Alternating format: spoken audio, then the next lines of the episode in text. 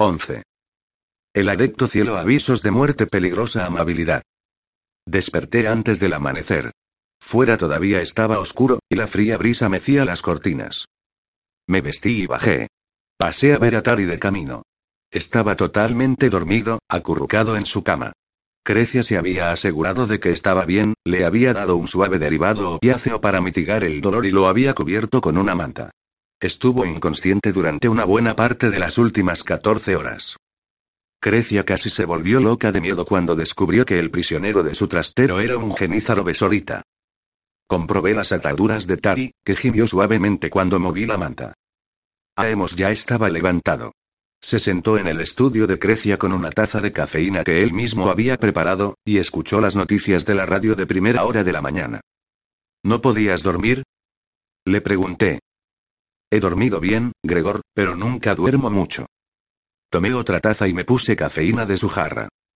No se oye una palabra sobre nosotros, dijo, haciendo un gesto hacia la radio. Nada. Es muy inquietante. Ni una sola palabra, ni siquiera en la frecuencia de los árbitres. Alguien se las ha arreglado para reclutar 800 asesinos besoritas, Uber. Tienen poder. Han bloqueado las noticias. O las han censurado. Los demás lo sabrán. ¿Qué quieres decir? Fischig, Nail. Sabrán que algo ocurre en cuanto dejen de recibir respuestas a sus comunicaciones desde la casa Spaetón. Eso espero. ¿Qué has averiguado de los tatuajes de nuestro amigo? Base Futu, justo como suponía. Lo he comprobado con el cogitador de la doctora. Sacó una placa de notas y se ajustó las gafas. Esta marca atestigua que Bameko Tari, un genízaro, es propiedad del clan Etrik y que se pagará una recompensa de 10.000 sketches por su repatriación. Está hecho de carne, y su carne habla por él. Aemos me miró. Es una costumbre extraña. Concuerda completamente con la mentalidad de los xoritas. Los genízaros son objetos. Elementos materiales. Daría igual mantener como prisionero un camión o un tanque. No poseen filiación política ni lealtad alguna en el marco de cualquier conflicto en el que se vean envueltos. No sirven como rehenes. El hecho de añadir ese pequeño incentivo a cada uno aclara y simplifica las cosas. Coloca un sencillo precio al asunto y disuade al captor de matarlos. ¿Cuántos son diez mil skills? Yo diría que suficiente. ¿Qué haremos con él cuando nos vayamos? Aquella era una buena pregunta. Fui a la cocina a preparar más cafeína y a buscar algo de pan, y me encontré a Crecia haciendo zumo de ploineros y de bayas de montaña en una prensa cromada. Tenía el pelo suelto y llevaba puesto un corto vestido suelto de estar por casa, de seda de color crema. Ah. Dijo ella cuando entré. Perdona, dije, retrocediendo. Ah, no te molestes, Gregor. Me has visto con mucha menos ropa. Ya, ya lo sé. Sí, ya me has visto. ¿Quieres un poco de zumo de frutas? En realidad estaba buscando cafeína. ¿Cómo lo he podido olvidar? Desayuno en la terraza. Yo con mi zumo y mi pastel integral, tú con tu cafeína y tus huevos con tocino. Llené un cazo en el grifo del fregadero después de aclararlo. Supongo que ahora es tu oportunidad para decirte lo dije. Comenté, ¿qué quieres decir? Siempre has sostenido que la fruta y el pan integral eran el camino a una vida saludable, ¿recuerdas? Solías hablar y hablar sobre dietas y fibra y todas esas cosas. Me decías que mi dieta de cafeína, alcohol y carne roja me iba a matar. Lo retiro. ¿De verdad? No será tu dieta lo que te va a matar, Gregor dijo, mordiéndose nerviosamente una uña. Tenías razón, por supuesto. Fíjate en ti. Preferiría no hacerlo, dijo ella, aplastando un ploinero con demasiada fuerza. Estás tan maravillosa como el día que te conocí. El día que me conociste, Gregor Eisenhorn, estabas medio comatoso por la anestesia y yo llevaba puesta una mascarilla facial. Ah, ¿cómo he podido olvidarme? Me echó una mirada fulminante. Bueno, de todas formas dije, no estoy mintiendo. Te traté mal. Te sigo tratando mal. Alguien como tú no se merece esto. Ella probó su bebida de frutas llena de pulpa. No voy a discutirte nada de eso, aunque... Es agradable oírte decir que lo admites. Es la verdad. También lo es que sigues siendo maravillosa. Ella suspiró. Los programas rejuvenecedores son muy fáciles de administrar. Tengo esta apariencia gracias a la ciencia imperial, no al zumo de frutas. Sigo creyendo en el zumo de fruta. Sonrió burlonamente. Tú tampoco tienes mal aspecto, a pesar de la carne roja y la cafeína. El agua del cazo comenzó a hervir. Me siento como una persona de mil años a tu lado. La vida no me ha tratado bien. Pues, no sé. Hay cierta nobleza en tus cicatrices. Hay algo muy masculino en la forma como te conservas. Empecé a buscar los granos molidos. Esa lata de ahí, dijo ella. La mezcla de achicoria que siempre has utilizado. La que siempre me ha gustado. Tomé la caja de aluminio y eché varias cucharadas en el cazo. Crecia le dije, debiste haberme dejado hace mucho tiempo. Nunca he sido suficientemente bueno para ti. Nunca he sido suficientemente bueno para nadie, la verdad sea dicha. Ya lo sé, dijo ella. Pero no puedo. Las cosas son así. Eché el agua hirviendo en el cazo y la dejé reposar. ¿Qué tal está Elizabeth? preguntó ella de repente. En cierto modo había estado esperando aquella pregunta. Ahí final había terminado con una larga relación con Crecia de Porbequín. Aunque conocía a Elizabeth y sabía que nunca podríamos estar juntos salvo como amigos, también sabía que no podría dejar atrás mi amor por ella. Habían ocurrido demasiadas cosas y nunca podría ser justo ya con Crecia. Veinticinco años antes, en esa misma casa, le había dicho algo similar y me había ido. Está muriéndose, dije. Crecia bajó rápidamente el vaso. ¿Muriéndose? ¿O ya está muerta? Le conté lo que había pasado en Durer. Oh, Dios emperador exclamó. Deberías ir con ella. ¿Qué podría hacer? Estar allí respondió con firmeza. Estar allí y contárselo todo antes de que sea demasiado tarde. ¿Cómo sabes que todavía no se lo he dicho? Porque te conozco, Gregor. Demasiado bien. Bueno. Yo. Vosotros dos nunca. No. Ella es una intocable. Yo soy un psíquico. Así es como funcionan las cosas. ¿Y nunca se lo has contado? Ella lo sabe. Por supuesto que lo sabe. ¿Pero tú nunca se lo has contado? No. Me abrazó. La apreté contra mí. Pensé en todas las cosas que no había hecho, o no había empezado o no había terminado. Entonces recordé todas las cosas que había hecho y que nunca podría deshacer. Soy lo último que necesitas, Crecia susurré a su pelo. Déjame que yo juzgue eso. La puerta de la cocina se abrió de golpe y Aemos entró cojeando. Crecia y yo nos soltamos. A Amos no le importaba lo más mínimo lo que pudiéramos estar haciendo. Tienes que venir a oír esto, dijo. Había estado escuchando el servicio del subsector en la radio, noticias de todo el subsector helicano, algunas de ellas de hacía días o semanas. Cuando nos colocamos alrededor del viejo receptor, las noticias habían cambiado a la información de la bolsa y a las previsiones para el transporte. ¿Y bien? Pregunté. Un informe de Mesina, Gregor. Los niveles superiores de la aguja 11 de mesina primaria han sido destruidos hace 24 horas por lo que se creía una explosión provocada por herejes. Me quedé helado. La aguja 11 de mesina primaria. Allí estaba la residencia que había alquilado para que la utilizara la rueca. Nail y Begundi habían llevado allí a Elizabeth y a Cara. Por su seguridad. El informe dice que se han perdido unas 10.000 vidas. Murmuró Emos. Los árbitres de Mesina están buscando sospechosos, pero se ha atribuido a un grupo radical incontrolado de Mesina. Me senté, temblando. Crecia se puso de cuclillas a mi lado, abrazándome. La rueca. Desaparecida. Bekin. Nail. Cara suele. Begundi. Era demasiado. Caí en la cuenta de por qué Canjar el afilado había contratado a tantos genízaros besoritas. Distintos golpes, distintos mundos. ¿Dónde más había golpeado Canjar? ¿Qué otro dolor me había causado? ¿A quién más habría matado? ¿Qué ocurre? preguntó Elena, acercándose y restregándose sus ojos adormilados. Recorrí la casa y el jardín del patio arriba y abajo. Dos o tres veces comencé a andar en dirección al trastero, pistola automática en mano. A la mierda la recompensa. Me vengaría. Todas y cada una de aquellas veces me di la vuelta.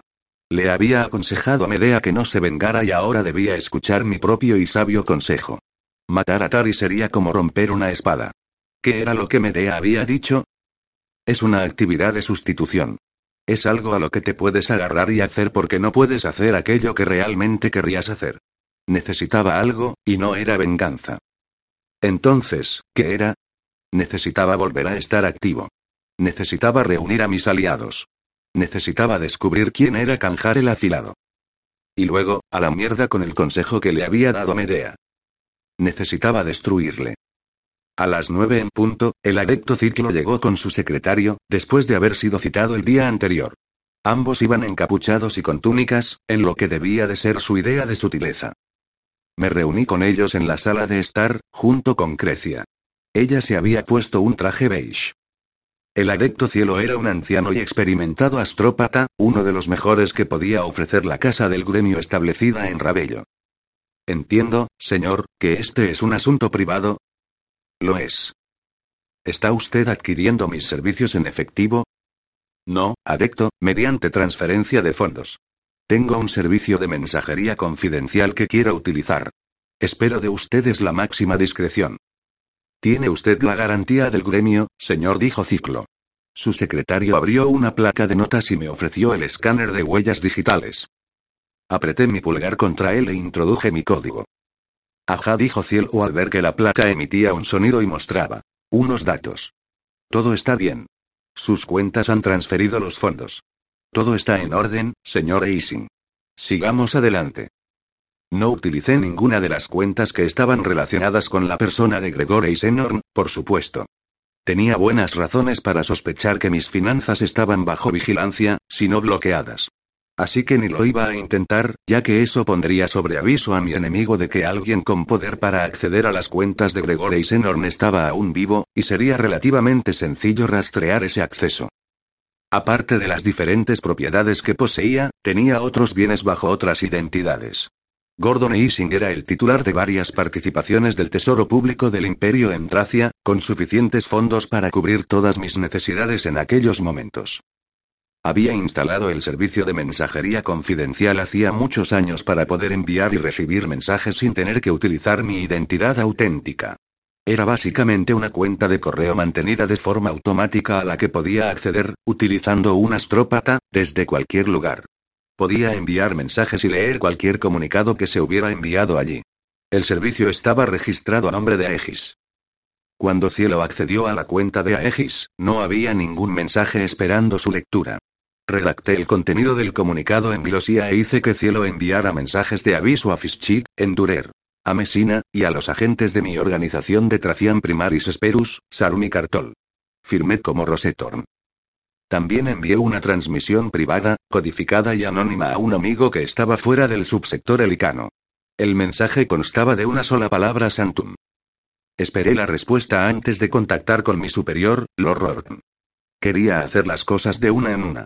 No era la primera vez en mi vida que deseaba permanecer fuera de la vista, excepto para los amigos. Incluso enviar comunicados bajo otro nombre era peligroso, por supuesto.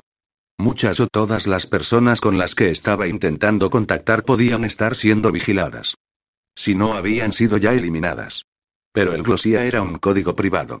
Aunque mis mensajes fueran interceptados, sería imposible descifrarlos. Las primeras respuestas llegaron al mediodía del día siguiente.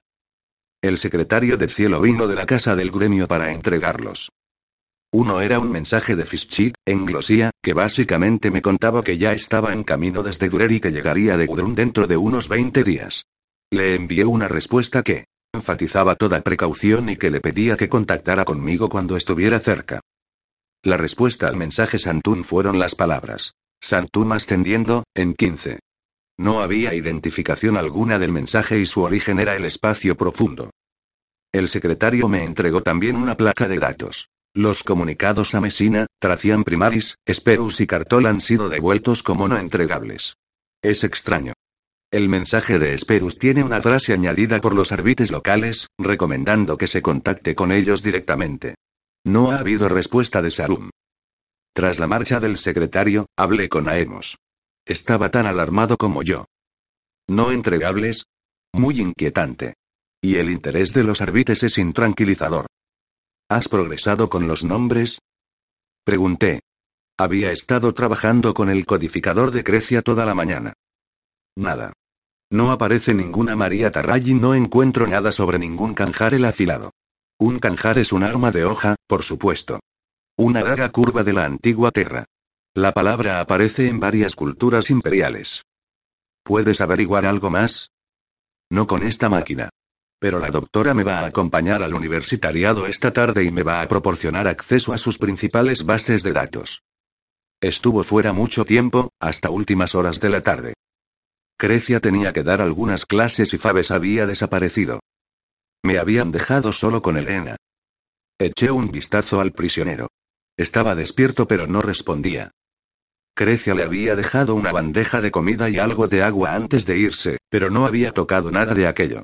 Intenté hacerle unas pocas preguntas pero no se inmutó. Estaba zombie, sumido en un sopor post-interrogatorio.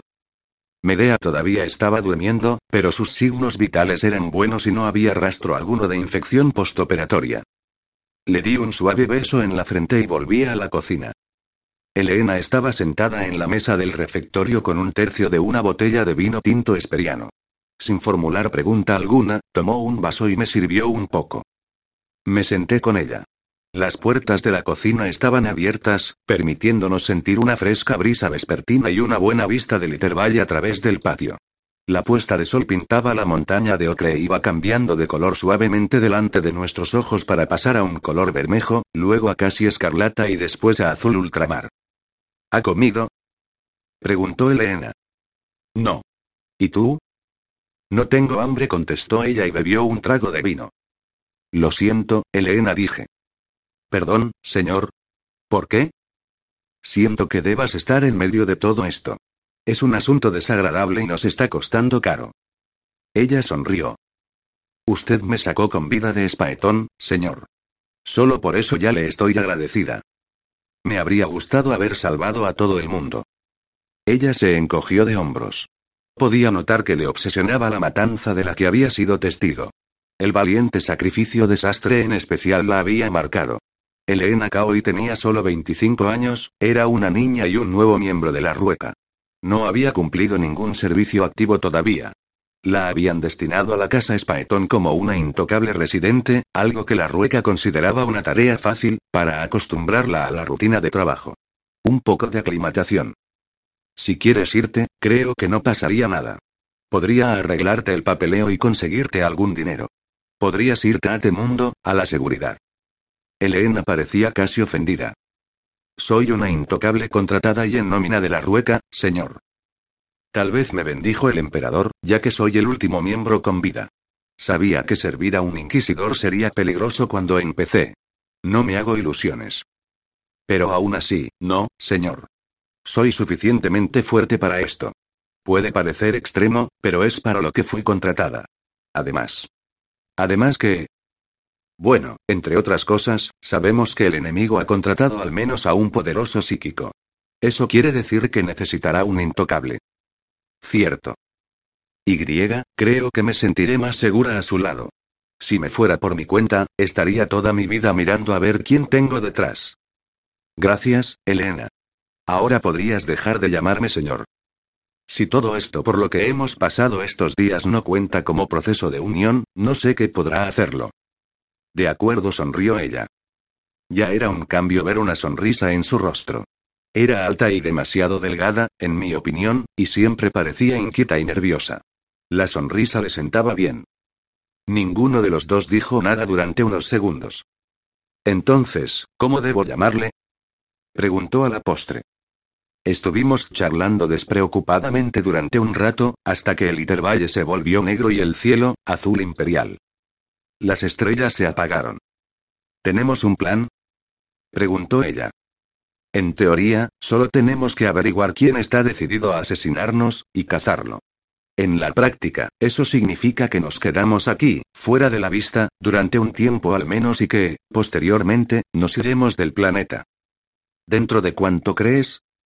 La manera que prefiero utilizar para abandonar el planeta estará disponible dentro de 15 días. Ella volvió a llenar los vasos. Me gusta. Me gusta cuando hablas como si todo lo tuvieras bajo control. A mí también dije con una risa entre dientes. Entonces. Hablando en la práctica, cuando estemos fuera del planeta, ¿qué haremos? Depende de unas cuantas cosas. De lo que logremos averiguar en las próximas dos semanas. De si me atrevo a mantenerme en contacto con miordos. Tú no eres que esté involucrada la Inquisición, ¿verdad? De ninguna manera contesté.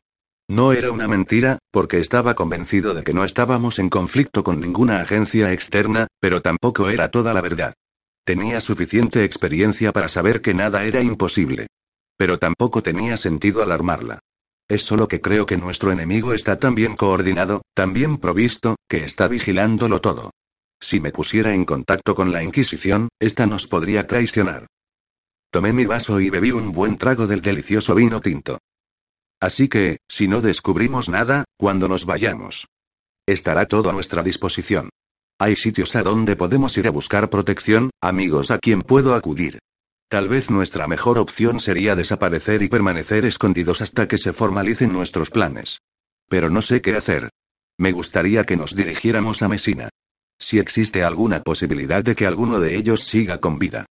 Aparte de los agentes de campo errantes cumpliendo diferentes tareas, el cuartel general de la Rueca en Mesina representaba mi única base alternativa de operaciones. Si había desaparecido, y la casa Spaetón también, me había quedado aislado. Yo tenía muchos amigos en la sala de la rueca. Espero que estén todos bien. Miró a la mesa y se puso a jugar con el vaso. Supongo que estarás muy preocupado por la señora Beckin. Bueno. Comencé a decir. Siendo ella tan gran amiga y colega tuya. Y como la hirieron gravemente en Durer. Todo el mundo sabe. Cortó de repente. ¿Sabe qué, Elena? Bueno, pues que la quieres. ¿Todo el mundo lo sabe? ¿De verdad? No se puede esconder algo así. Os he visto juntos. Os adoráis. Pero. Tú eres un psíquico y ella es uno de los nuestros. Lo sé, lo sé. Eso no quiere decir que no la ames, a pesar de todo. Me miró y se sonrojó. Este vino dijo. He hablado demasiado, ¿verdad? No, Elena dijo Crecia. Ninguno de nosotros dos la había oído entrar. Introduce un poco de sentido en su cabeza. Tienes que volver a verla. Es lo que debes hacer. Crecia llevaba puesto su atuendo de profesora. Cogió un vaso de un estante, se acercó a la mesa y, cuando vio que la botella estaba vacía, se dispuso a abrir otra. ¿Qué tal ha sido el día? Le pregunté, intentando cambiar de tema. Me he pasado cuatro horas enseñando los principios de la palpación torácica a los alumnos de segundo año. Nunca había visto un grupo de tarugos tan mal preparados. Cuando llamé a uno de ellos para hacer una práctica, cogió la cadera del alumno que hacía de paciente. ¿Tú cómo crees que ha sido mi día? Se sentó con nosotros a la mesa. He echado un vistazo a nuestro invitado. Me preocupa su estado. No ha comido ni bebido nada y prácticamente no responde. Creo que le has hecho algún daño con tus exploraciones mentales. Bueno, o eso le repliqué, o está teniendo una mala reacción a las drogas. Posiblemente. Si continúa igual por la mañana, le haré algunos análisis de sangre. Sus manos y pies están muy lívidos. Has apretado demasiado esas malditas ataduras. Están tan apretadas como es necesario, Crecia. Es un genízaro besolita reelutado para asesinarme, no lo olvides. Calla y sírveme algo de beber. En cuanto a Hemos entró, pasadas las diez, supe que algo iba mal. Cargaba con una pequeña pila de placas de datos y no protestó cuando Elena le ofreció algo para beber, lo que no era normal en él. Su mano temblaba cuando levantó el vaso para dar un sorbo. Incluso Crecia pudo ver que no se comportaba normalmente. Bueno, viejo amigo. Pregunté. Me he pasado horas investigando esos nombres, Gregor. Sigo sin encontrar nada sobre Escarjar, aunque he reunido una lista de planetas que siguen utilizando la palabra. Me acercó una placa. María Tarray. Aquí he tenido más suerte. Una María Tari fue arrestada por los arbites en Ayoukan hace cinco años por participar en actividades de sectas. Estaba pendiente de juicio cuando escapó. Ha aparecido dos veces más en Fluton, donde era una conocida colaboradora del líder de la secta, Rikin Paswol, y en Sansepta, donde se la buscaba en relación con el asesinato del jerarca Sansumi de cinco clérigos del Ministorum. La Inquisición tiene también una orden de búsqueda para su internamiento como sospechosa de ser una psíquica ficticia. Así que es una activa participante en actividades de sectas, ¿eh? Miré los resúmenes que Aimos había colocado en una placa. No me decían mucho más. Si me ponía en contacto con la Inquisición, ellos tendrían un expediente más completo. A pesar de los riesgos, me sentía inclinado a contactar con Rorken. Si es la misma mujer, comentó. No hay foto de ella, pero la descripción física concuerda con la imagen que tengo grabada en mi mente. ¿Cuáles son sus antecedentes? No hay nada sobre eso. Excepto que cuando se la interrogó durante su detención en Ayoukan, afirmó tener 37 años y que su mundo de nacimiento había sido Gudrun. Interesante. Dije. Deberíamos comprobar esos datos en el censo planetario Y. Creo que me pagas para ser minucioso, Gregor dijo a Emos, cortante. Ya lo he hecho. Aquí no hay registro alguno de ella. De hecho, no hay nadie en Gudrun con el apellido de Tarrayotari. Sin embargo, el apellido sí aparece en otros mundos. En demasiados, de hecho, para que nos sirva para algo. Bueno, sabio dijo Crecia, ¿qué es lo que te preocupa tanto? Aemos tomó otro trago de vino y empujó una placa al centro de la mesa. Me estaba quedando sin opciones con los nombres, así que acudí a otra cosa. Revisé los nuevos registros de todo el subsector, buscando palabras clave. No te va a gustar. Leí la placa y mi corazón se quedó helado. Mostraba informes de boletines de accidentes procedentes de varios planetas del subsector. Solo eran incidentes pequeños, la mayoría de los cuales no habrían ocupado una columna de prensa más allá de los noticiarios regionales. Sin duda, los sucesos que narraban no habrían sido noticia planetaria y, desde luego, tampoco interplanetaria. Aemos los había encontrado solo porque había hecho un esfuerzo por buscarlos rastreando el compendio de los noticiarios imperiales. El primer informe era sobre la explosión en Mesina. Mesina primaria, la colmena principal, aguja 11. El estallido había ocurrido a las 10 y 5, hora local. Era aterrador. Según mis cálculos, el ataque a la casa Spaetón había comenzado al mismo tiempo exactamente, una vez hechos los consiguientes ajustes siderales. La explosión había incinerado los 10 niveles más altos de la aguja. La cifra de muertos se elevaba a 11.600. El gobernador general había declarado el estado de emergencia. Había una larga lista anexa de propiedades y negocios destruidos. Entre ellos, a mitad de la segunda página, estaba el Instituto Thorn, el nombre por el que el público conocía a la rueca. No había supervivientes. Supongo que pudo haber sido una coincidencia, pero no creo en ellas. Lo que significaba que mi enemigo, ese canjar el afilado, no había dudado en exterminar a miles de civiles solo para eliminar a la rueca. El informe afirmaba que un movimiento clandestino autodenominado Vástagos de Mesina había reclamado la autoría del atentado. Ese grupo, XIA, luchaba por la independencia de Mesina del imperio. Algo que era realmente una mentira asquerosa. Mesina era tan imperial como podía serlo un planeta con aquella cultura. El segundo informe mencionado en la placa procedía de Cartol. Una familia que viajaba de vacaciones por la provincia de Kona había sido encontrada asesinada por pistoleros desconocidos. Dos hombres y tres mujeres. Sus identidades se facilitarían tan pronto como se averiguarán. Las autoridades de Cartol estimaban el momento de la muerte entre las 10 y la medianoche, dos días antes. Había enviado a Cartola a mi agente el Cresfinton, junto con Byron Facal, Lois Naran y dos intocables, cinco meses antes, para recoger pruebas sobre una muerte relacionada con una secta de la región de Kona. Habían enviado sus informes con regularidad. Dios emperador. Busque el siguiente elemento. Procedía de Tracian Primaris. Una residencia privada en la Colmena 62 había sido bombardeada justo antes de medianoche. Ocho muertos sin identificar. El lugar aparecía como Colmena Superior, número 62, nivel 114, 871. Que era la dirección de la oficina regional que mantenía en el mundo capital del subsector clicano. Barnett Ferrical, que había estado conmigo durante 30 años, dirigía aquel lugar con siete personas a su cargo. En el siguiente, Esperus, dos hombres muertos en un tiroteo con bandas juveniles. Justo antes de medianoche, hace una semana. Se habían internado en la parte equivocada de la ciudad, dijo un portavoz de los árbitres. Luthor Witte y Van dos de los mejores agentes secretos que tenía, habían estado operando en Esperus durante un año, intentando descubrir una secta chechiana que estaba haciendo presa en la juventud de las zonas inferiores de las colmenas. El siguiente se refería a Sarum, mundo capital del subsector de Antimar. Una de mis alumnas más prometedoras, la interrogadora Debra Shibor, había ido allí ocho meses antes siguiendo mis órdenes para infiltrarse y descubrir una red cauticofilíaca en la Universidad Central. Se había presentado como la doctora Feiza Bach, una historiadora de Puncel. La noticia registraba la muerte, aparentemente por suicidio, de la prometedora académica Bach. Su cuerpo, muerto desde hacía ocho horas, había sido descubierto en su baño a la hora de la llamada del coro esa misma mañana. Y, por último, el más estremecedor. Desde las noticias globales de Sameter, enviado la semana anterior. La residencia del inquisidor Natun Isabel había sido atacada y destruida por un enemigo no identificado. El nombre de Isabel estaba entre los muertos. Tomé asiento. Todos me miraban. Aemos apoyaba su barbilla sobre sus manos y las dos mujeres miraban fijamente, con ansiosa paciencia. Están todos muertos, dije. Todos. Todos los hombres de mi operativo.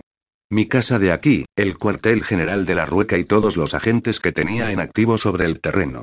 Todos y cada uno. Todos asesinados a la misma hora aproximadamente y el mismo día de la semana. Mi voz se quebró. Estaba demasiado conmocionado. Crecia me sirvió un vaso de amasek y se tomó uno ella misma. Todo evaporado. La operación que había estado montando durante décadas, los amigos y aliados que había reunido. Destruido en una sola noche. Todos mis recursos visibles habían sido identificados, puestos como objetivo y eliminados. Aparte de mi querido Fischit, que se había abierto camino para encontrarnos, éramos todo lo que quedábamos. Me sentía más desconectado que otra cosa. La red de información secreta y personal en activo que había construido desde el comienzo de mi carrera me había sido brutalmente arrebatada. Estaba solo. No quería otra cosa. Ninguna otra cosa más que ver a Cajar el afilado cara a cara y ajustarle las cuentas. Me fui a la cama, dejando el amasek intacto, y dormí mal y a ratos. De madrugada, desperté penosamente de un sueño que no podía recordar muy bien al principio.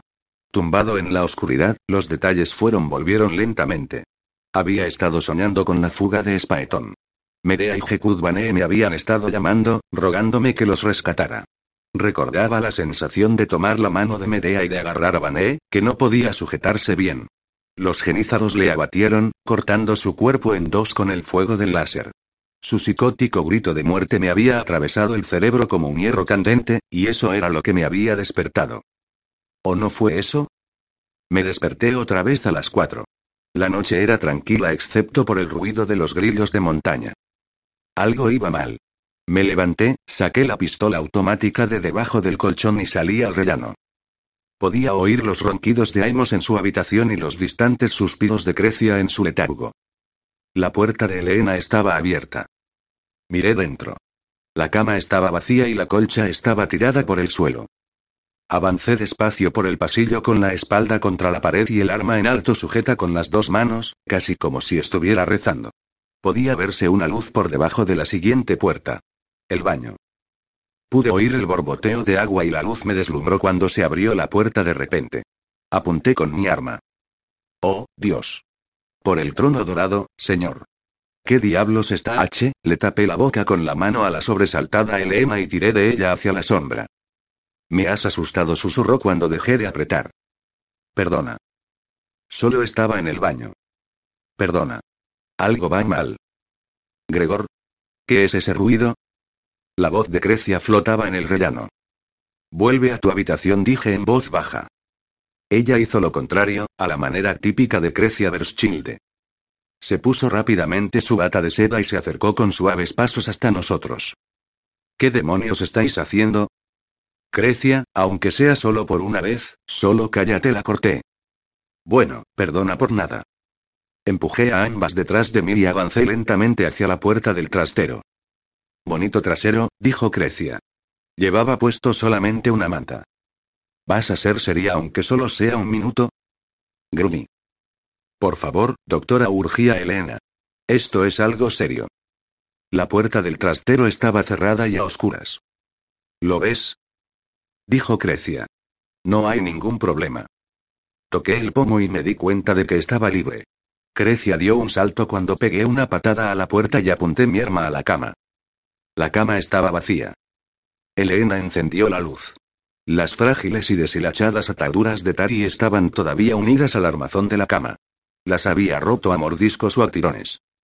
Trono dorado, se ha ido. Oh, no. Crecia murmuró. Yo solo le aflojé las ataduras un poco. ¿Qué hiciste qué? Te lo dije. Te dije que estaba preocupada sobre el estrangulamiento. La lividez de sus manos y su... No me dijiste que las habías aflojado. Dije furioso. Creía que habías entendido lo que quería decir. Corrí escaleras abajo. El vestíbulo, a media luz, recibía la pálida luz de la luna que se colaba a través de las puertas delanteras medio abiertas. No puede haber ido muy lejos. ¿Qué más da de todas maneras? Decía Crecia detrás de mí. Salí a la calle.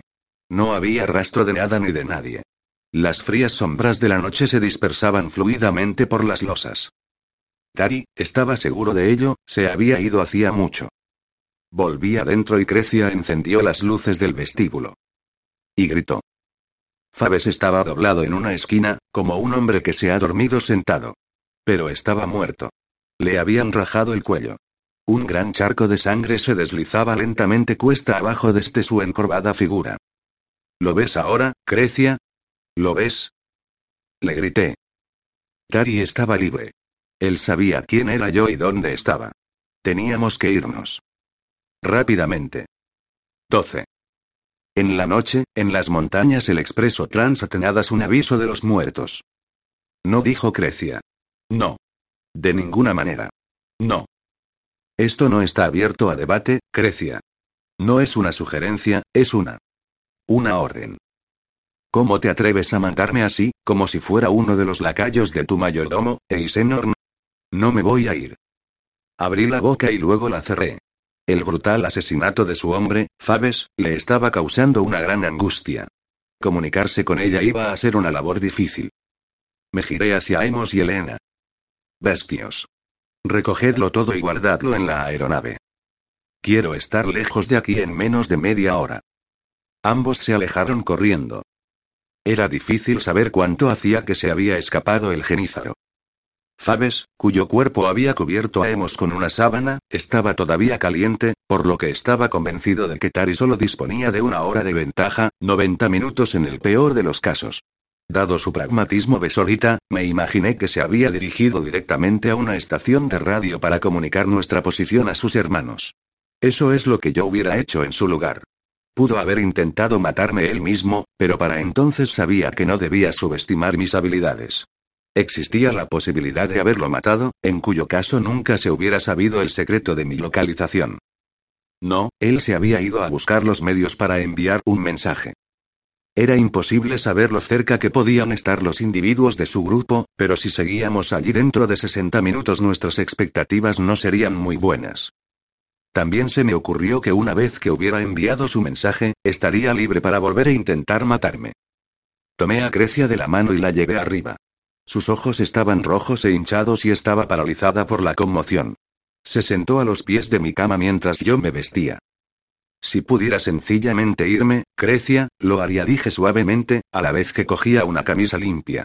Si fuera solo una cuestión de marcharme y eliminar toda mi mierda de tu vida, eso es lo que haría. Pero eso no es lo que va a pasar. Los mercenarios vienen de camino. Llegarán pronto, probablemente antes del amanecer. Interrogarán y matarán a todo aquel que encuentren. No podrás decirles que no sabes a dónde he ido. Te. Bueno, son genízaros besoritas y les pagan bien. No te puedo dejar aquí. No quiero irme. Este es mi hogar, Gregor. Mi maldito hogar, y mira lo que has hecho. Lo siento. Mira lo que le has hecho a mi vida. Lo siento. Te compensaré. Se levantó. La rabia le volvía y ocultaba su dolor. ¿Cómo? ¿Cómo diablos vas a compensarme por esto? ¿Cómo diablos puedes compensarme por todo el dolor que me has causado a lo largo de toda mi vida? No tengo ni idea. Pero lo haré. Y tú tendrás que permanecer viva para que pueda hacerlo. Tengo la ruina de tu agradable y confortable existencia en mi conciencia, Crecia. No voy a añadir tu muerte a eso. Bonitas palabras, pero 110 me voy de aquí.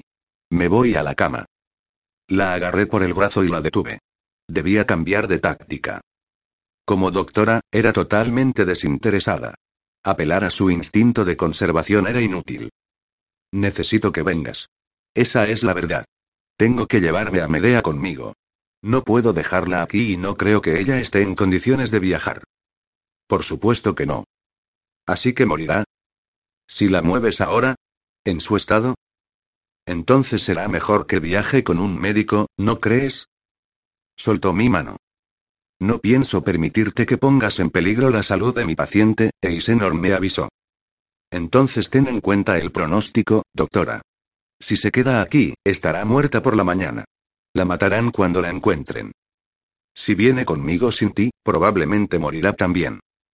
Creo que de lo que estamos hablando aquí es de tu juramento hipocrático de conservar la vida. Odiaba ser tan manipulador. Bueno, con ella. Me lanzó una mirada venenosa, sabiendo que la había arrinconado. Cerdo. Cerdo y listo. No sé por qué te he querido alguna vez. Yo tampoco lo sé. Pero sí sé por qué te quise yo. Siempre te has preocupado por los demás. Siempre hacías lo que tenías que hacer. Ella se dio la vuelta y se fue de la habitación. Terminé de vestirme y metí unas mudas de ropa y abarbarizadora en una bolsa de viaje de cuero que encontré encima del armario. Luego tomé el bastón rúnico y griega, me detuve en el umbral de la puerta. El malus codicium estaba todavía en el cajón de la mesita. Lo envolví en una funda de almohada y lo metí en la bolsa. ¿Cómo había podido casi olvidarlo? La primera respuesta que se me ocurrió era extraña e inquietante. Tal vez quería que lo olvidara. Las luces interiores de la aeronave iluminaron una zona del patio. Aemos y Elena lo habían guardado todo ropa para cada uno de ellos y los manuscritos y libros que habíamos rescatado de la casa Spaetón.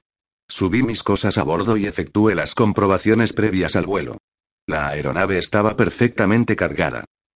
Ayudadme, maldita sea. Dijo Crecia. Vestía un traje de trabajo verde oscuro y un abrigo acolchado, y llevaba dos bolsas de viaje. Medea estaba tumbada sobre una camilla gravitatoria, atada en su sitio con una unidad de Revitaliz Rex y un botiquín anclados de forma magnética a la parte inferior de la camilla. Crecia había añadido dos cráneos médicos a nuestra paciente, que flotaban suspendidos en el aire detrás de la camilla. Subimos a Medea de bordo y luego montamos nosotros. Crecia se sentó al lado de Medea, sin decir palabra. Ni siquiera miró detrás de sí, a la casa, cuando ascendimos en la noche y nos alejamos a toda velocidad. Volamos hacia el sur, hacia la principal cordillera de las Atenadas, un macizo de gigantescos picos que dividían el centro del continente a lo largo de 3.500 kilómetros. El Itervalle y sus vecinos eran tan solo estribaciones comparados con esta gran estructura geológica. No quería estar en el aire demasiado tiempo. Dari sabía que teníamos una aeronave y habría informado a sus camaradas. Esto era solo un corto salto para comenzar. Estudié una placa de navegación y comencé a trazar una ruta. Al amanecer estábamos a unos 90 kilómetros hacia el sudoeste y varios cientos de metros más altos, en los valles bajos del irregular y afilado Escombo. Con las primeras luces de la mañana, era una negra forma ascendente con una centelleante capa de hielo. Sus poderosos vecinos acechaban a sus espaldas.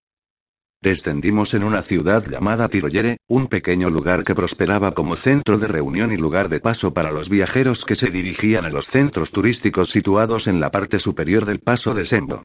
Aparqué la aeronave en el límite de la ciudad, en una zona de abetos que la ocultarían a los observadores aéreos. Nadie había hablado mucho. El aire era fresco, por lo que puse al máximo la calefacción de la cabina para que Medea estuviera cómoda. Deberíamos comer, dijo Elegna. Yo iría a comprar algo. Pero. Ninguno de nosotros tenía dinero. Crecia se quitó los guantes y sacó una cartera de su abrigo. ¿Soy la única persona que piensa en cosas prácticas? Comentó agriamente. Elena tomó una barra de crédito de Crecia y atravesó los árboles hacia la ciudad.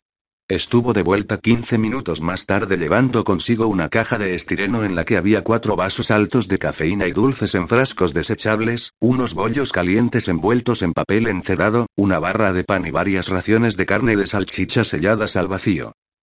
También había comprado una pequeña placa de datos con una guía turística de la región. Pensé que podría ser útil, dijo. Fantástico, dijo Crecia. Ahora podremos escoger los mejores sitios para esquiar. Mientras Elena estuvo fuera, empleé considerable tiempo y esfuerzo en liberar la escotilla lateral de la aeronave. Había sido atornillada para que quedara abierta al estilo militar para la posición permanente del artillero. Con el arma guardada y un frágil cargamento humano, quería sellar la cabina. Se cerraba pero el pasador no enganchaba. Intenté utilizar la fuerza bruta, pero no creía que se hubiera cerrado nunca en todos sus años de existencia. Comimos y bebimos en silencio, y los cráneos médicos administraron alimento a Merea a través de los tubos del gota de gota. Observé el cielo y el largo arco de la carretera hacia la ciudad. No había mucho tráfico. Unos cuantos vehículos de carga y algunos drones móviles, además del ocasional aerodeslizador.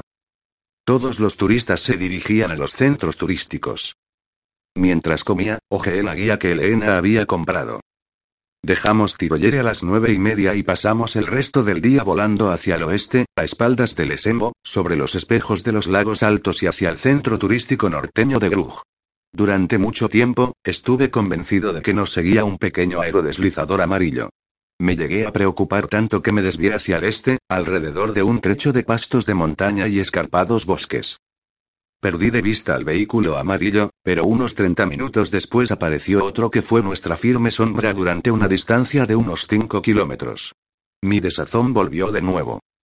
La última hora de la tarde, cuando volábamos hacia Grug, la aeronave negra giró hacia el sur siguiendo una ruta que la llevaría a la estación balnearia de Firiol, en la ladera sur del monte Fulco. Había estado huyendo de fantasmas. Aterricé el aerodeslizador en Grug bajo la protección de unos pinos, al sudoeste de las viejas murallas de la ciudad. Tomé la barra de crédito de Crecia y fui solo a la ciudad. Grug era una vieja ciudad de calles sinuosas, como Rabello, pero bastante menos pintoresca. Locales con máquinas de juego y salones de baile ocupaban las principales vías, y había un ajetreado bullicio de jóvenes gudrunitas de vacaciones en todas las calles. Encontré las oficinas locales de los Adeptus Astra Telepática, una alta y negra estructura de ventanas en una esquina de la plaza principal, y entré. Una ojerosa adepta llamada Nizin cargó mi barra de crédito y me proporcionó acceso a la cuenta de Aegis. Quería comprobar si había llegado algo durante los últimos días. Me esperaba una sorpresa. Había un comunicado de Arlon Nail. Había sobrevivido. Su mensaje era bastante largo y estaba escrito en glosía. En esencia decía que había abandonado Mesina dos semanas antes, sospechando, por razones en las que no entró, que algo malo estaba a punto de ocurrir. Eso no me sorprendió. Nail tenía olfato para los problemas. Que él, de todos mis pobres perdidos agentes, hubiera sido avisado del peligro, era algo fácil de creer. Estaba, en el momento de enviar el comunicado, a tres días de Gudrun. Pedí a la adepta que enviara una respuesta, también en glosía, diciéndole a Nail que se dirigiera a la capital septentrional de Nueva Jeva y, una vez allí, que consiguiera pasajes para salir del planeta. Le pedí que confirmara y le dije que le mandaría otro mensaje cuando estuviera cerca. Calculaba unos cuatro días. Cuatro días y estaríamos con Nail en Nueva Jeva y a punto de abandonar ese mundo. El oruga todoterreno era básicamente un lujoso vehículo de recreo. Contaba con una cabina bien tapizada y un compartimento anexo provistos de un brillante recubrimiento exterior gris y se desplazaba sobre una unidad principal de tracción colocada en un carril con gruesas ruedas delanteras para una fácil maniobra. El empleado de la empresa de alquiler estaba en pleno discurso, cantando las bondades de la máquina, cuando lo corté, me lo llevo. Una elección sensata, señor. Dos semanas de alquiler. Voy a Ontre y lo dejaré allí. De acuerdo, señor. Entréguelo en nuestras oficinas de Ontre. Hay un poco de papeleo que rellenar. ¿Tiene algún documento de identidad? La barra de crédito de Crecia cubrió el coste del depósito. Quería mantener la transacción en el anonimato. Utilicé el lector de mano de la agencia para despertar a otra de mis identidades falsas aletargadas. Torin Gregory, un hombre de negocios de tracción de vacaciones con abundantes fondos. El agente pareció satisfecho. El oruga todoterreno era un vehículo pesado y potente con una sorprendente fuerza en su motor. Lo conduje a las afueras de la ciudad, a la aeronave, parando de camino para aprovisionarnos en un mercado. Mis amigos de la aeronave contemplaron mi llegada con precaución.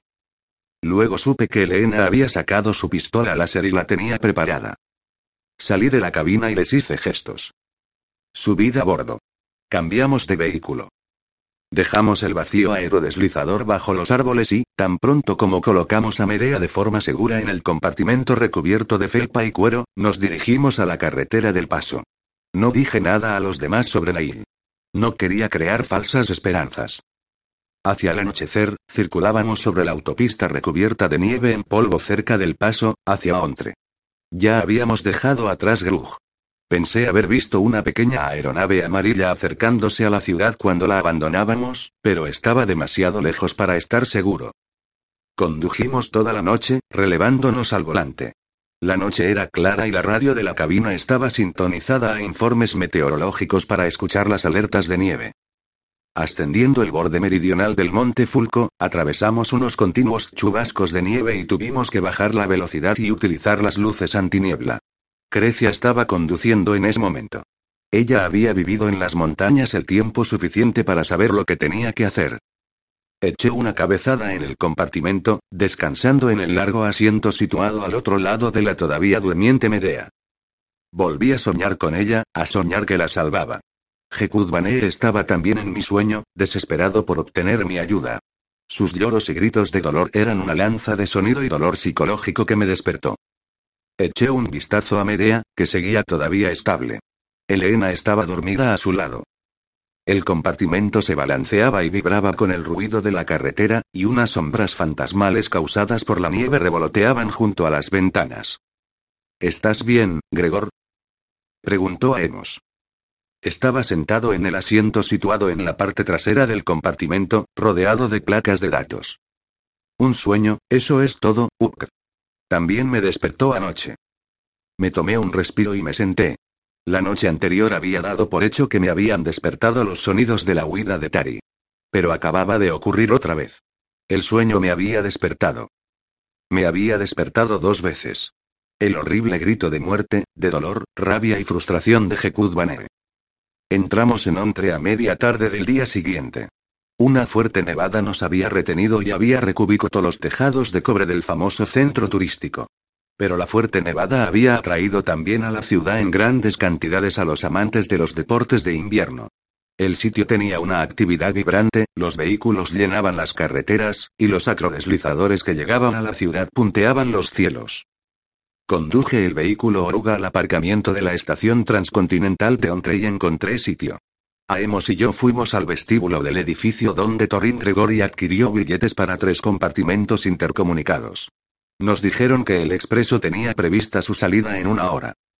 Del mismo modo que la cordillera Atenada forma un pliegue en el centro del mayor continente de Gudrun, el expreso Transatenadas corre como una arteria a lo largo de ella. El ferrocarril es famoso por su romanticismo. La mayoría de los que viajan en él lo hacen por el propio viaje, gente de vacaciones que prefieren viajar a llegar. Los jóvenes viajan en tropel a centros como Grugientre para utilizarlos como base para el esquí y el surfing sobre hielo, mientras que los acaudalados eligen el Transatenadas, donde pueden sentarse en cómodo lujo y observar por las ventanillas cómo pasan ante ellos los paisajes más espectaculares. La gran locomotora cromada propulsada por Prometium entró en Ontre a las 5 arrastrando un tren de 10 vagones de dos pisos. Los mozos de estación nos ayudaron a subir a Medea de bordo. Nuestros compartimentos, en el nivel superior del tercer vagón, un coche cama, eran de primera clase y espaciosos. Pusimos a Medea en uno de ellos, con Elena a un lado y Crecia al otro. Uber y yo compartimos el otro. Estaban comunicados por puertas y acabados en arce pulido. El expreso hizo sonar su señal y salió jadeando de ontre, subiendo a base de músculo la pendiente hasta el paso de Fonete. La gran bestia plateada podía alcanzar los 170 kilómetros por hora en zonas llanas. Eché un vistazo al horario. Tras viajar toda la noche llegaríamos a Fonete, luego un corto tramo hasta Locastre, seguido por una marcha ininterrumpida y a gran velocidad a través de la meseta septentrional y atravesando las atenadas mayores hasta la costa. Deberíamos llegar a Nueva Jebae en algo menos de tres días. Apenas teníamos sensación de movimiento, solo una ligera y continua vibración que uno rápidamente olvidaba. Los vagones eran robustos, de gruesas paredes, y estaban provistos de calefacción y aislamiento contra el frío de las atenadas, pero el efecto secundario de ello era que se eliminaba prácticamente todo sonido exterior. El gran motor, ensordecedor en la explanada del andén de Ontre, era prácticamente inaudible. Solo alcanzábamos a oír un mero suspiro cuando el expreso atravesaba un corte o una garganta y el ruido del motor era comprimido y canalizado hacia atrás por las inclinadas paredes laterales. Si bajabas las persianas, era como estar en casa, en un cómodo salón. Mientras hubo luz, dejé la persiana arriba y disfruté de las vistas panorámicas del paso, de los campos nevados, rosas y suaves en el atardecer, de las escarpaduras de hielo de duras sombras rotas por roquedales de piedra negra. De vez en cuando, el humo de la máquina pasaba al lado de las ventanas y oscurecía la vista. En las curvas lentas te podías apoyar en la ventanilla y ver el lateral de los vagones que iban por delante, segmentados como una gran serpiente, y los colores cromo, azul y blanco que reflejaban los últimos rayos de sol. La larga y cambiante sombra del tren apareció dos veces a nuestro lado cruzando los campos nevados. Cayó la noche y las vistas desaparecieron. Cerré la persiana. Hemos dormitaba, por lo que pensé que daría un paseo a lo largo del tren para echar un vistazo. La puerta que daba al otro compartimento se abrió y entró Crecia. Llevaba puesto un vestido gris de satén con un apretado plisado de encaje que iba de la parte superior de la garganta hasta la parte superior de la falda fruncida. Una estola de piel cubría uno de sus brazos y se había recogido el pelo. Me levanté de mi asiento casi automáticamente. ¿Y bien? preguntó. Estás. Espectacular. Por y bien quería decir que si no es hora ya de que me acompañes a cenar, cena. La principal comida del día. Normalmente se sitúa en algún punto entre la comida y un gorro de noche. Conozco el concepto. Bien. Vamos. Estamos huyendo de la muerte. ¿Crees que es este un buen momento? No puedo pensar en un momento mejor. Estamos huyendo de la muerte, Gregor, en el medio de transporte más opulento y exclusivo que Gudrun puede ofrecer. Sugiero que huyamos de la muerte con estilo. Fui al baño y me puse la ropa más presentable que tenía. La tomé del brazo y bajamos la escalera hacia el vagón restaurante que estaba tres vagones más atrás. ¿Te has traído estas ropas contigo? Le pregunté en voz baja cuando avanzábamos por el vestíbulo enmoquetado y suavemente iluminado, cruzándonos con otros pasajeros bien vestidos que iban y venían del vagón restaurante. Por supuesto. Nos fuimos a todo correr y tú pusiste en la maleta un vestido como este. Pensé que debía estar preparada para todo. El vagón restaurante estaba en el nivel superior del sexto vagón. Unas lámparas de araña de cristal colgaban del techo abovedado, y el propio techo era de cristal blindado. Servía también como salón mirador, aunque en ese momento solo brindaba un techo de negrura estrellada. Un cuarteto de cuerda estaba tocando con suavidad en un extremo del vagón que poco a poco se iba llenando. El aire estaba repleto de música suave, de los sonidos metálicos de los cubiertos y de voces susurrantes. Unos discretos detectores de veneno sobrevolaban como luciérnagas cada mesa. Un sobrecargo uniformado nos acompañó a una mesa situada junto a las ventanas de la izquierda del vagón. Estudiamos los menús, y caí en la cuenta de cuán hambriento estaba. ¿Cuántas veces? Preguntó, ¿cuántas veces qué? Hace años, cuando estábamos juntos, venías a verme a Rabello sigilosamente, como tú acostumbras. ¿Cuántas veces te sugerí que tomáramos este expreso a través de las montañas? Sí que lo mencionaste, sí. Pero nunca lo hicimos. No, no lo hicimos. Lo lamento. Yo también. Me parece tan triste que lo estemos haciendo ahora por pura necesidad. Aunque debería haber adivinado que únicamente si te veías obligado te ven a hacer este romántico viaje. Sea cual sea la razón, aquí estamos. Debí haberte puesto un arma en la cabeza hace años. Pedimos una sopa de clours, seguida de un solomillo de runca de las tierras bajas, rollitos de queso con una macedonia de hierbas y tentaciones de champiñones del bosque, y un chateau chandir de Sameter, que recordaba que era uno de sus favoritos. La sopa, servida con un delicioso capón y un copo de smitane en plato blanco de borde ancho delicadamente grabado en relieve con el emblema del distintivo de la compañía transcontinental, era suave y casi perfecta. El runca, simplemente flambeado con amasec, estaba muy poco hecho y era inmejorable.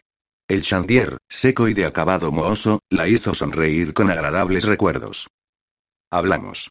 Teníamos décadas que rellenar. Me contó cosas sobre su trabajo y su vida, el interés que había desarrollado por la xenoanatomía, las monografías que había realizado, el nuevo procedimiento para injertar músculo que había abanderado. Tocaba la espineta como medio de relajación y había perfeccionado ya todos los estudios de Guxella, menos dos. Había escrito un libro, un tratado sobre el análisis comparativo del dimorfismo óseo en biotipos humanos primitivos. Estuve a punto de enviarte una copia, pero temía que eso pudiera ser mal interpretado. Tengo una primera edición, le confesé, qué leal. ¿Pero lo has leído? Dos veces. Tu análisis del trabajo de Terkson en los puntos de Dimamara es convincente y bastante crítico.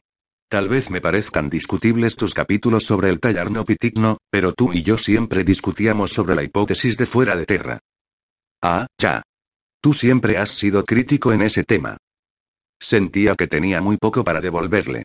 Había tanto sobre mi vida de los últimos años que no podía o no debía decirle. Así que, en vez de ello, le conté lo de Nail. ¿Ese hombre es de confianza? Completamente. ¿Y tú estás seguro de que es él? Sí. Está utilizando glosía. La belleza de ese código es que es individualmente idiomático. Las personas ajenas a él no pueden romperlo, utilizarlo o entenderlo.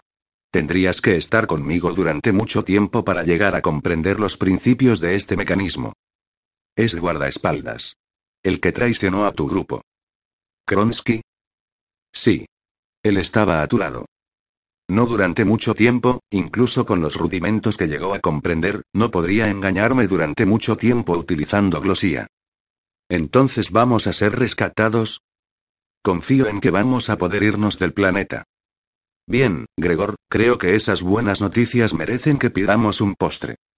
El sobrecargo nos trajo ribau de napé, pegajoso y dulce, seguido de una espesa y negra cafeína esperiana y unos licores digestivos, una maset con sabor a roble para mí y un dedal de pasa para ella. Por entonces ya nos reíamos desenfadadamente. Fue una buena cena y una magnífica noche en deliciosa compañía.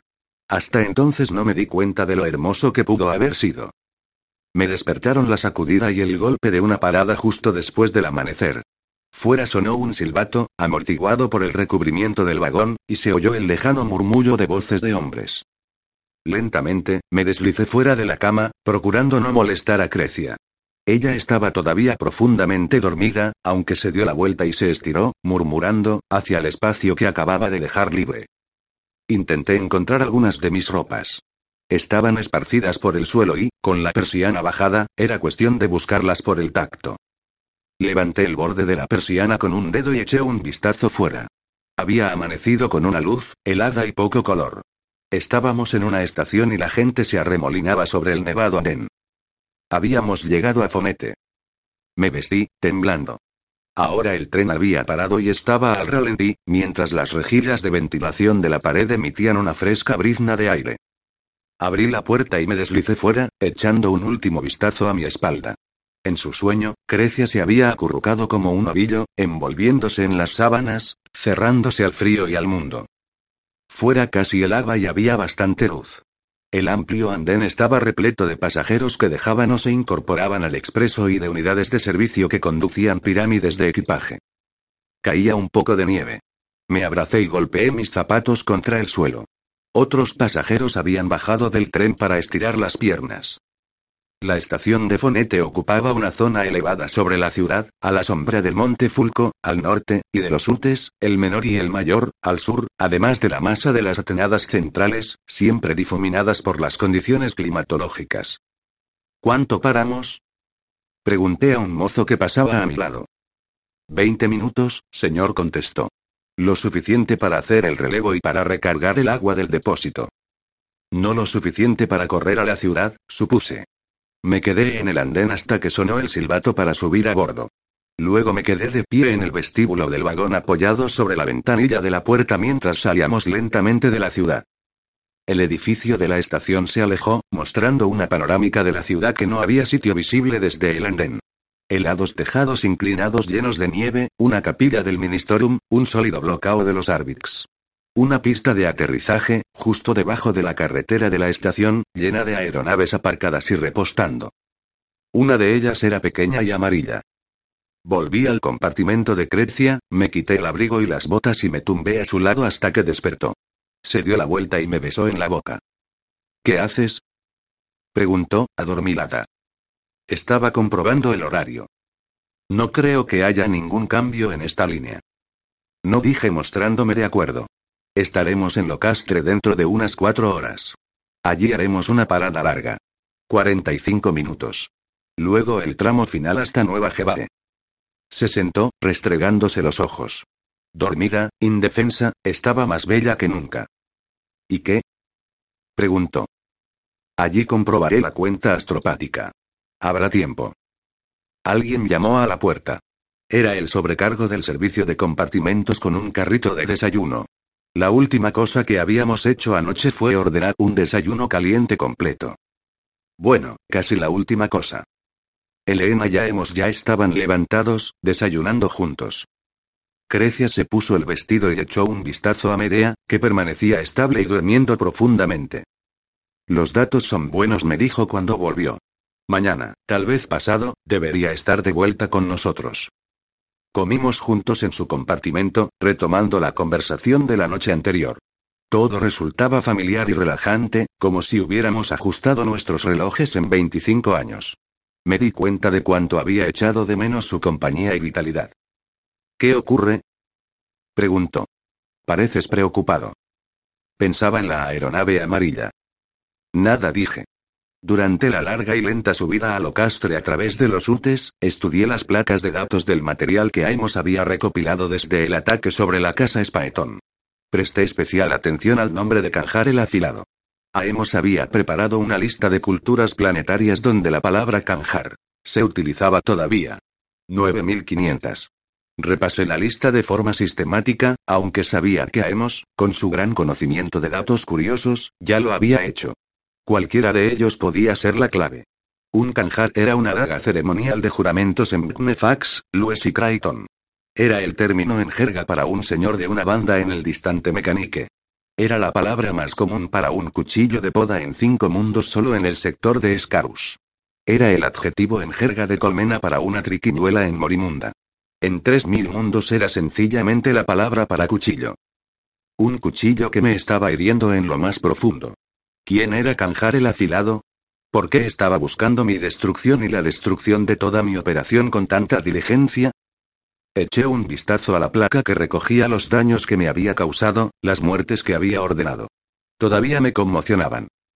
El simple alcance de sus esfuerzos asesinos me asombraba. Tantos objetivos, tantos mundos. Y todos atacados en el mismo momento sideral. Descubrí que volvía una y otra vez a la noticia de la muerte de Isabel. Era, sencillamente, la excepción. Cada una de las demás víctimas u objetivos habían sido una parte específica de mi organización personal. Pero Natun Isabel no lo era. Él era. Había sido un inquisidor por derecho propio. Durante mi campaña contra el hereje Kipsos, casi 50 años antes, Isabel, que entonces tenía el rango de interrogador, había formado parte de mi equipo. Se había unido a mi grupo después de la muerte de su maestro, el inquisidor Roban, durante la atrocidad en Tracian Primaris, y había continuado ayudándome fielmente hasta después de la depuración del baluarte de Kipsos en Farnes Beta. Después de eso, con mi patrocinio, se convirtió en inquisidor y comenzó a trabajar por su cuenta. Desde entonces, habíamos estado en contacto en pocas ocasiones y, aparte de nuestra vieja amistad, no había ninguna relación entre nosotros. ¿Por qué había sido señalado también para ser destruido? Coincidencia no era una respuesta suficientemente buena. ¿Qué era lo que nos relacionaba? ¿Quién nos relacionaba? El nombre obvio era Kipsos, pero eso no llevaba a ningún sitio. Yo mismo había eliminado a Kipsos. Repasé una vez más la lista de mundos, intentando encontrar una conexión. Uno de los planetas que aparecía en la lista era Cuntus 8. El nombre me enganchaba como un clavo saliente. Kentus 8. Un mundo marginal. Nunca había estado allí. Pero me habían hablado una vez de él. Confiando en mi instinto, comprobé si Kentus 8 aparecía en la vasta lista de mundos en los que se registraba el apellido Tarray Otari. Aemos ya había cruzado las listas de mundos que utilizaban Kanjar con los mundos que poseían el apellido. Tarray había obtenido 700 posibles. Ahora yo podía añadir un poco de sentido a uno de ellos. Ahí estaba. Kanjar era la palabra para un cuchillo de guerra en Kentus 8, y Tarray era el nombre de un clan de ese mundo. Hacía casi 350 años, uno de los más viles sociópatas del imperio había iniciado su carrera en Kentus 8. La afirmación de María Tarray de que había nacido en Gudrun ya había sido desechada por Aemos, que había comprobado el censo y no había encontrado rastro del nombre. No había retrocedido lo suficiente. No retrocedió 350 años. Yo sí lo hice y encontré que Tari había sido un nombre campesino en Gudrun hasta aquel momento. El árbol genealógico finalizaba justo entonces. Sabía quién era. Sabía quién era mi enemigo. 13. Locastre parada completa fin de la línea. Llegamos a Locastre más o menos una hora más tarde de lo previsto. Unas ventiscas impropias a esas alturas de la temporada habían soplado desde el este hacia los utes y el expreso se había visto obligado a reducir su velocidad y a avanzar lentamente. En las pendientes inclinadas que constituían la travesía de los pasos, había peligro de que el tren resbalara, y podíamos sentir los frecuentes tirones que provocaban los bojes del vagón cuando avanzaban sobre los helados raíles. Hubo una parada de diez minutos en un tramo recto hacia el oeste del Ute Mayor para que la cuadrilla de técnicos del tren saliera y levantara el frente de la máquina hasta su posición normal. La ventisca estaba a nuestro alrededor, y todo lo que quedaba al otro lado de las ventanillas era una espiral sin colorido. Fui hasta el final del vagón y eché un vistazo a través de las ventanillas del furgón. Unas manchas negras se movían en la blanca neblina, algunas iluminadas por chisporroteantes destellos verdes y rojos. Sentí varias sacudidas y golpes con sonido metálico que estremecían la plataforma bajo mis pies.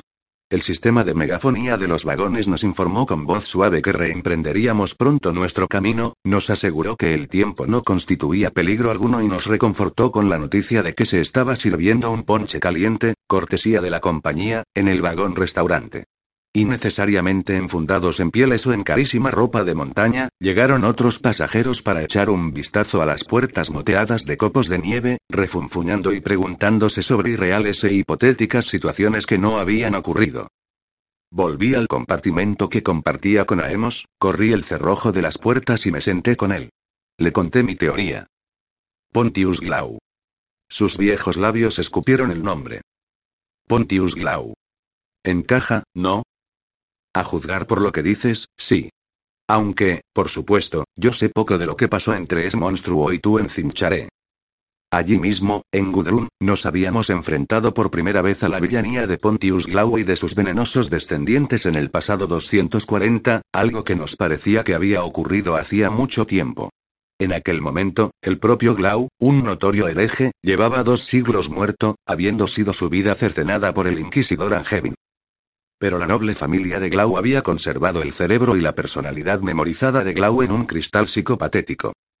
Nosotros frustramos los intentos de la casa de Glau para recuperarle para la vida corporal, y después hice que guardaran el cristal bajo el cuidado de mi viejo aliado Magos Geard Bure, de los Adeptus Mechanicus, para mayor seguridad. Un siglo después, en 340, volví a visitar a Bure en la remota lejanía del mundo minero de Fincharé, durante el asunto Kixos, para obtener información secreta de boca de su prisionero sobre los anfitriones demonios. Sin el oscuro consejo de Pontius Glau, nunca habría sido capaz de vencer a Kixos o a sus demonios esclavos Propaniti y Cherubael. Pero me vi forzado a hacer un trato con Glau. Hice que le mereciera la pena. El señuelo con el que le tenté fue que, a cambio de su ayuda, encargaría de Bure que fabricara un cuerpo para que viviera en él. Y, como soy un hombre de honor, cumplí mi palabra, creyendo que aunque se le diera movilidad a Glau, nunca podría escapar de las garras de Gerard Bure. Al parecer, me equivoqué respecto a eso. Durante aquellas entrevistas privadas en Cincharé, Glau me relató el suceso que le había conducido a él, el exitoso vástago de una de las más respetadas casas de Gudrun, al culto del mal. Ocurrió en Kentus 8 en 019. Glau había estado visitando los anfiteatros de Kentus, comprando gladiadores para su afición la lucha en el pozo. Incluso antes de su caída, era un hombre cruel. Compró un bruto, un guerrero de un remoto mundo salvaje. Borea, creo recordar. Ansioso de agradar a su nuevo maestro, el guerrero le había dado a Glau su collar. Era una ancestral reliquia del mundo salvaje, y ni el guerrero ni Glau se dieron cuenta de que estaba contaminado por el inmundo caos. Glau se lo puso y de forma inmediata cayó en sus garras. Este simple acto había sellado su destino y lo había transformado en el enemigo idólatra que constituyó una plaga para el subsector helicano durante casi dos décadas. Le hice a Emos un resumen de todo esto. El asunto parece encajar. Tú piensas, deduzco, que Pontius Glau ha escapado de su prisión en Cincharé, ha reconstruido sus fuerzas y que ahora está apuntando hacia ti para vengarse. ¿Venganza? No. Bueno, indirectamente, tal vez. Seguro que querrá vengarse, pero la escala de su ataque, de su esfuerzo, del alcance de tan gran operación. Todos y cada uno de mis elementos, incluso Isabel. Aemos se encogió de hombros. Isabel estaba con nosotros en Cincharé. Esa es la cuestión. Pontius está intentando destruir a todo aquel que pueda saber que él existe. La mayoría del imperio piensa que está muerto desde hace mucho tiempo. Nosotros suponemos una amenaza para él solo porque sabemos algo de él. Podía percibir que Aemos tenía algo en su mente que no quería decirme.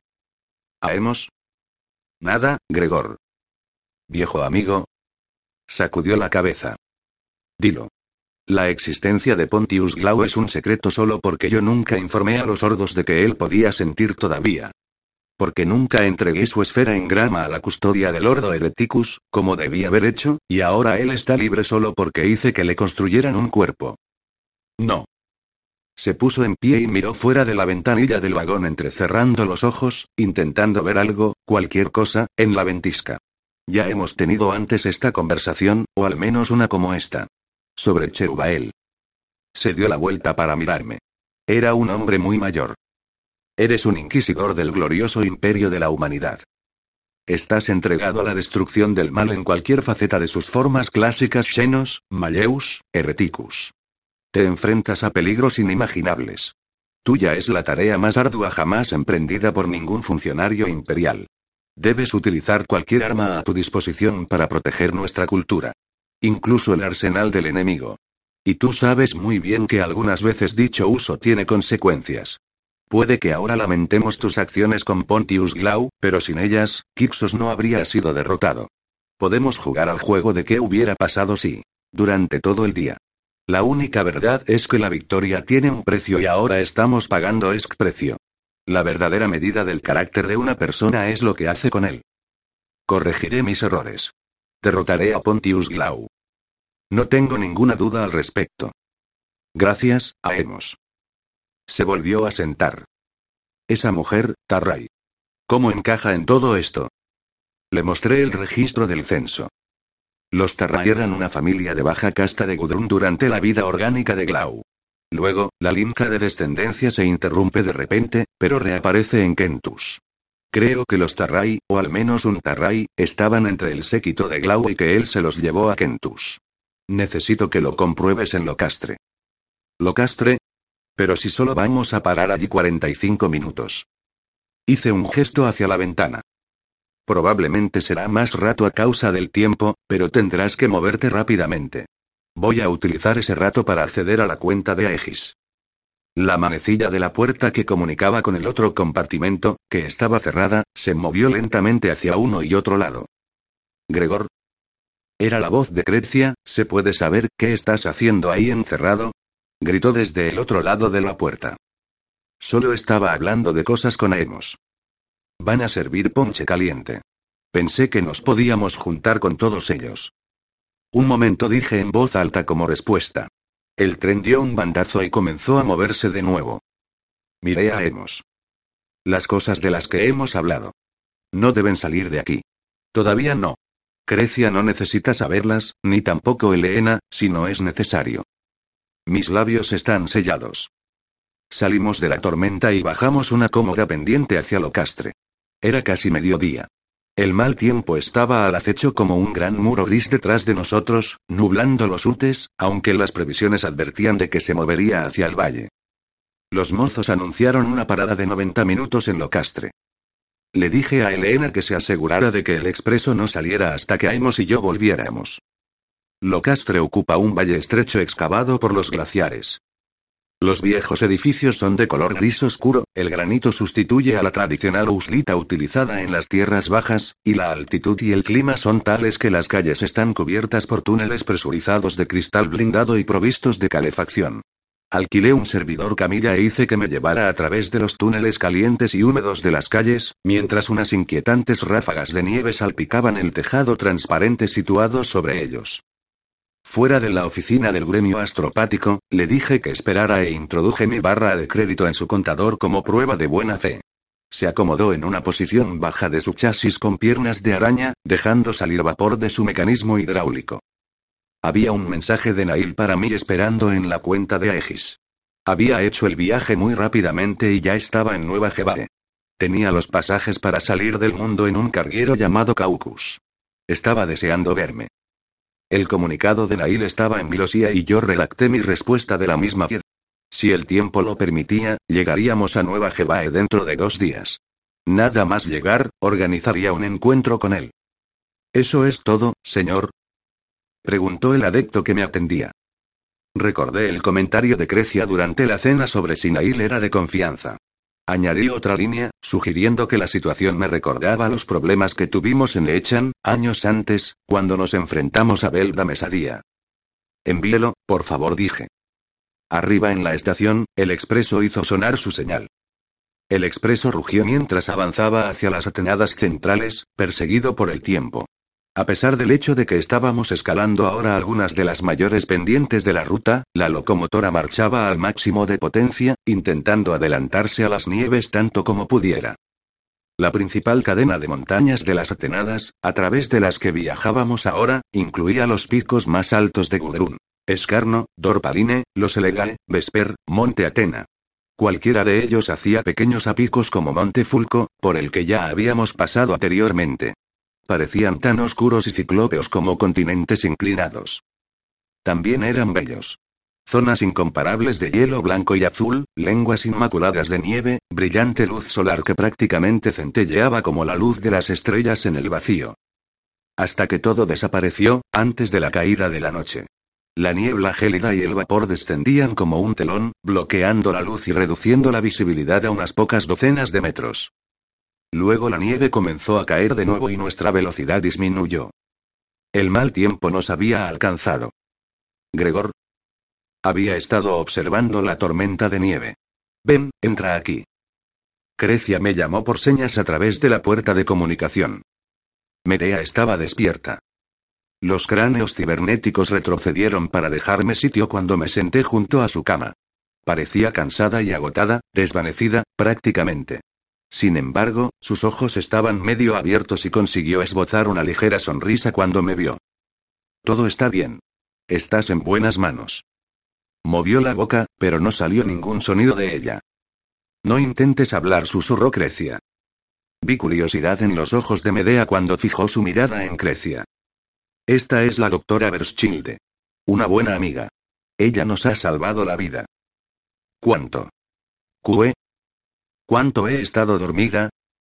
La mayor parte de la semana. Te hirieron en la espalda. Costillas. Duelen. Eso se pasará, dijo Crecia. Ellos. ¿Ellos nos pillaron? No, no nos pillaron, dije. Y no nos van a pillar tampoco. Envueltos por la glacial ventisca y manteniendo una velocidad de no más de 60 kilómetros por hora, atravesábamos el techo del mundo. Nos aventuramos en las zonas públicas del tren e incluso en el salón unas cuantas veces y nos encontramos con que se habían organizado varios actos para entretener al público. Comidas de buffet, música, escuelas de cartas, un torneo de regicida, pases de extravagancias ololíticas. El personal uniformado de Transcontinental estaba por todas partes, manteniendo a todo el mundo feliz e impartiendo con soltura la idea de que estar atrapado en un temporal de nieve en las Atenadas era parte del romance de la famosa línea de ferrocarril. Y no un posible infortunio letal. Si la locomotora descarrilaba o si la generación de electricidad tenía un fallo de funcionamiento y el tren se quedaba atrapado en medio de una ventisca que durara más de un par de días, moriríamos congelados y tendrían que esperar hasta la primavera para sacarnos. Por supuesto, en los 990 años de funcionamiento del expreso Transatenadas, eso no había ocurrido nunca. El tren había logrado siempre pasar. Era un medio de transporte extraordinariamente seguro, teniendo en cuenta el terreno que cruzaba. Pero siempre hay una primera vez para todo. Los años de experiencia aconsejaban al personal del tren que comenzara a tranquilizar y distraer a los pasajeros en cuanto el tiempo se cerraba o tendrían que gestionar una situación de pánico. El rico ocioso puede llegar a preocuparse en demasía. Paramos cuatro veces antes del amanecer del día siguiente. La primera fue hacia las diez de la noche. El sistema de megafonía nos informó de que estábamos esperando a que disminuyera la velocidad del viento antes de cruzar el puente de la garganta de Escarno y que no había ninguna razón para que nos preocupáramos. Menos de cinco minutos después, estábamos otra vez en marcha. Estaba todavía despierto, a la una, cuando nos deslizamos suavemente hasta parar otra vez. Me sentía inquieto y, después de 15 minutos, me puse la pistola automática en el cinturón, me sujeté a barbarizadora a la cintura y las tapé con el manto verde de Aemos. El vestíbulo estaba oscuro, habían bajado las luces a un ámbar auxiliar.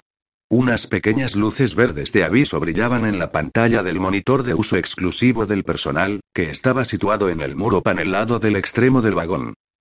Oí a alguien ascendiendo desde el nivel inferior del vagón por la escalera de caracol y resultó ser un sobrecargo que me miró enigmáticamente. ¿Hay algún problema, señor? Preguntó. Esa era mi pregunta. Me preguntaba por qué hemos parado. Es solo rutina, señor. Nos estamos acercando a la cuesta de escarno y el maquinista jefe ha ordenado una revisión de los elementos de frenado para prever un exceso de hielo. Ya veo. Solo rutina. Todo es completamente seguro, señor, dijo con una bien entrenada seguridad. Como si fuera para confirmar lo que había dicho, las luces parpadearon y nos pusimos en marcha.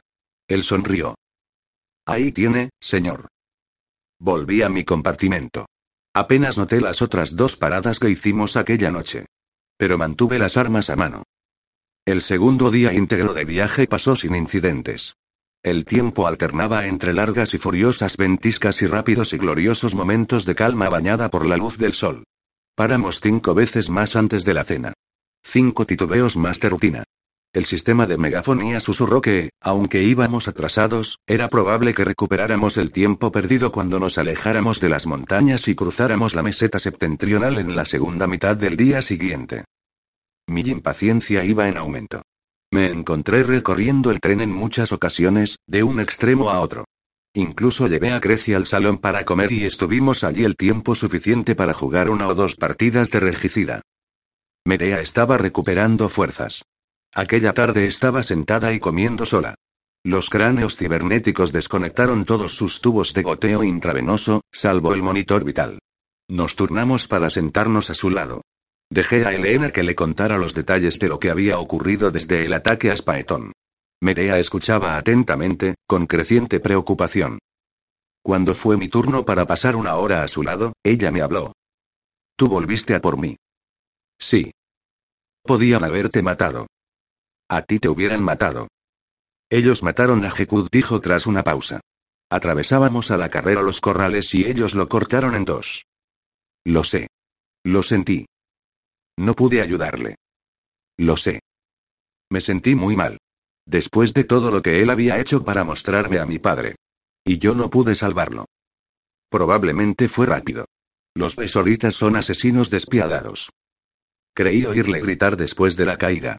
Iba a volver a buscarlo, pero ellos estaban por todas partes. Está bien. Tomó una taza de la mesita y dio un sorbo. Elena dice que los han matado a todos. Me temo que sí. Quiero decir, no solo aquí. La rueca. Nail. Isabel. Afirmé con la cabeza. Alguien fue muy concienzudo aquella noche.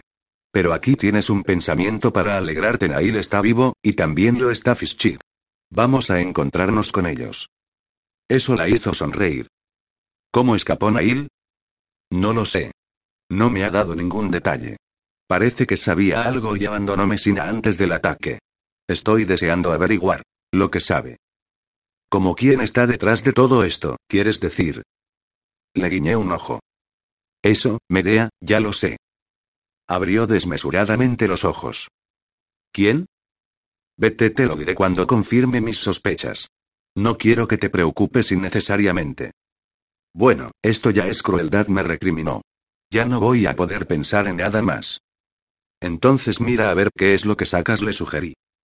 Medea estaba al corriente de la mayor parte de mis operaciones y pensé que sería interesante ver si llegaba a alguna conclusión por sí misma.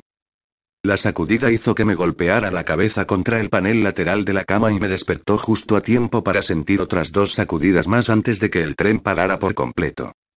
Eran casi las tres de la mañana y la oscuridad era total. Podía oír cómo sonaban los golpes de los copos de nieve contra la ventanilla del compartimento, como pequeñas armas de fuego.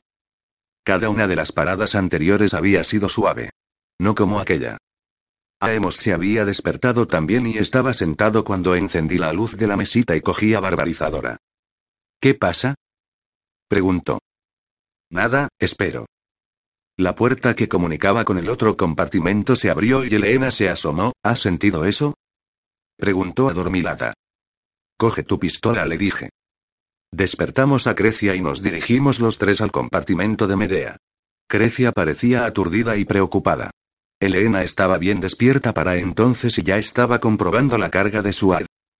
Me puse el manto de Aemos para ocultar mis propias armas. Quédate aquí y vigila, le dije, y me fui de la suite a través de la puerta que conducía a mi compartimento. Pude oír los movimientos en el oscuro vestíbulo, en los demás compartimentos, gente hablando en voz baja y el ocasional sonido de una alarma, mientras los pasajeros preocupados intentaban llamar a los sobrecargos.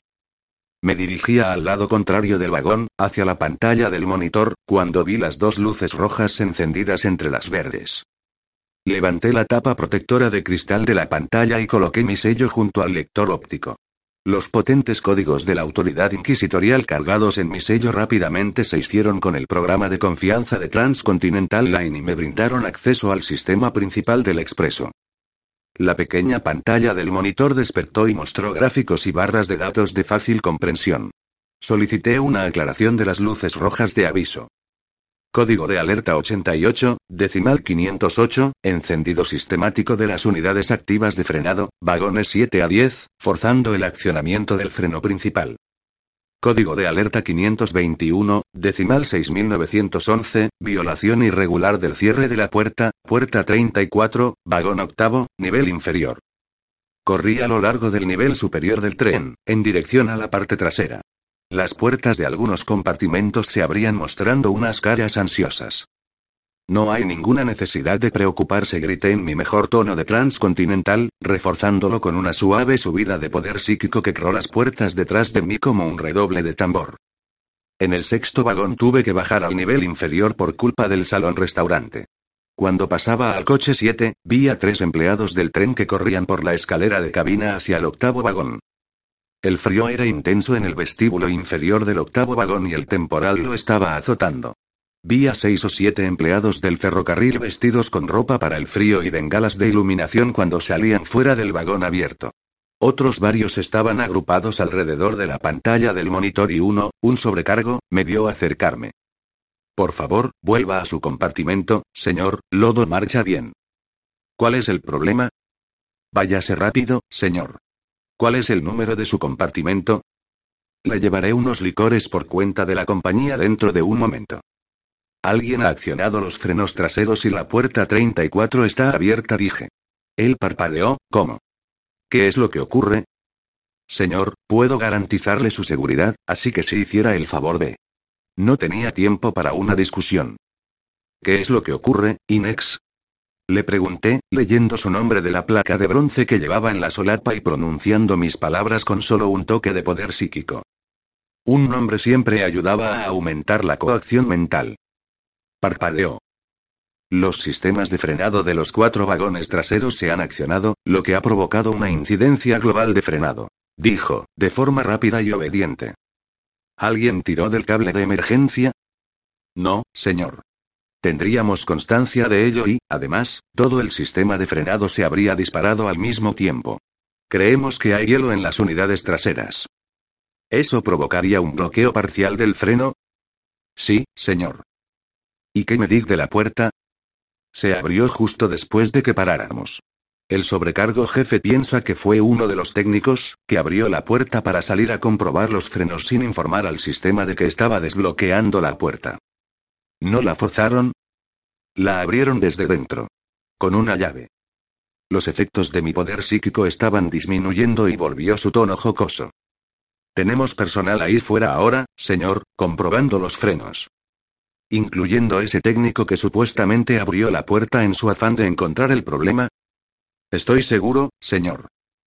Averigüelo, dije, utilizando el poder psíquico con mayor energía. Volvió al panel del monitor y sus colegas dieron un paso hacia atrás, perplejos, mientras él manejaba el aparato. ¿Quién tiene acceso a las llaves de las puertas? ¿Quién diablos es usted? Un preocupado miembro del pasaje dije, cubriendo a todos con mi poder psíquico, ¿quién tiene las llaves? Solo los técnicos de nivel 2 o superior, los sobrecargos de primera categoría y los guardias, dijo otro, tartamudeando en su desesperación y afán por decírmelo. ¿Cuántas personas en total? 23. ¿Falta alguien? No lo sé, dijo Inex. Aparte se ordené, y apunté mi sello al monitor. El tren tenía una tripulación de 84 personas. Todos tenían implantado un rastreador subcutáneo para que el jefe del tren pudiera dar cuenta de la situación de su gente en todo momento. La pantalla mostraba un croquis del tren, pero era tan pequeño que tuve que desplazarme por la pantalla para encontrar lo que quería. El personal jefe aparecía en rojo. Los técnicos, en ámbar. Los sobrecargos, en verde. Y los guardias, en azul. El personal auxiliar, como cocineros, camareros, mozos y limpiadores, aparecía en rosa. Los puntos rojos y ámbar se agrupaban en la sección de la locomotora y los azules y verdes salpicaban todos los vagones. El nivel superior del noveno vagón, el alojamiento de la tripulación, estaba repleto de luces rosa. Pude ver un grupo de cursores verdes y azules que representaban a los hombres que estaban agrupados a mi alrededor en la parte trasera del nivel inferior del vagón octavo, cerca de la puerta 34. Un submenú recogía las luces ámbar y azules que habían abandonado el tren para inspeccionar las ruedas. Había una luz verde entre las rosas en el vagón noveno. Pedí más información. La luz verde pertenecía al sobrecargo de categoría primera Revert Avins. Estaba en su cuarto. El expreso había hecho una parada de emergencia y todo el personal, aparte de los auxiliares, se estaba moviendo para tranquilizar a todo el tren. Excepto Avins. Avins es de primera categoría. Él tendrá llaves. Sí, señor, dijo Inex. ¿Por qué no está ayudando? Se miraron unos a otros. ¿Cuándo le vieron por última vez? Hoy estaba en el turno de mañana, dijo uno de ellos. Yo le he visto comiendo en la sala de personal en el cambio de turno, añadió otro. ¿Y desde entonces? Todos negaron con la cabeza. Debería haber vuelto a las nueve, dijo Inex, voy a ver. No, iba a decir. Porque está muerto. Pero no tenía ningún sentido asustarlos. Cambié de idea. Vaya de ver, Inex. Alargué la mano y tomé los auriculares del hombre que tenía más a mano. No protestó. Ni se dio cuenta. Vaya a su habitación y dígame lo que encuentra. Canal de la radio. Estudié el pequeño auricular y ajusté el micrófono. 6. Sí, señor, dijo Inex. Según se iba, alargué el brazo y le di un ligero toque en la frente. Se estremeció. Mi impronta psíquica permanecería con él unos 30 minutos, aunque se alejara de donde yo estuviera. Inex se fue corriendo. Eché un vistazo a la puerta del vagón. La habían cerrado, pero la luz de abierto todavía parpadeaba. En el interior y junto a la puerta había placas de hielo sucio derritiéndose sobre la plataforma metálica. ¿Cuántas personas salieron? Pregunté. Uno de ellos consultó la pantalla. Veinte, señor. ¿Cuántos han vuelto a entrar desde que llegaron aquí? Ninguno respondieron al unísono. Estarían buscándome. Buscándonos. Sabían que estábamos en el tren y habían subido a alguien a bordo en Fonete o en Locastre. Alguien que se había hecho amigo de Revert Owens, lo había matado y se había quedado con sus llaves de acceso. Alguien con la pericia técnica suficiente para accionar un bloqueo parcial de los frenos, parar el tren y utilizar las llaves de Owens para abrir una puerta exterior y permitir subir a bordo a sus compañeros. Alguien que seguramente ya sabía qué compartimentos estábamos ocupando. Salí corriendo por donde había venido hacia el tercer vagón, utilizando los vestíbulos de los niveles inferiores. Saqué a Barbarizadora de su funda de piel. Parecía incongruente ir corriendo por el tren blandiendo una espada, pero los compartimentos que había a mi alrededor estaban llenos de ciudadanos imperiales inocentes y no me atrevía a utilizar mi pistola. Tampoco me atrevía a utilizar el intercomunicador. Llegué a ellos psíquicamente. Elena era un blanco intocable, así que llamé a Hemos, Crecia y Medea. Estad alerta. Problemas en camino. Pasé junto a varios empleados del tren en el vestíbulo que dieron un respingo, alarmados, cuando vieron la espada. Olvidadlo. Les dije mediante mi poder psíquico mientras pasaba a su lado. Continuaron con sus cosas. Llegué a la parte delantera del cuarto vagón y me dispuse a subir.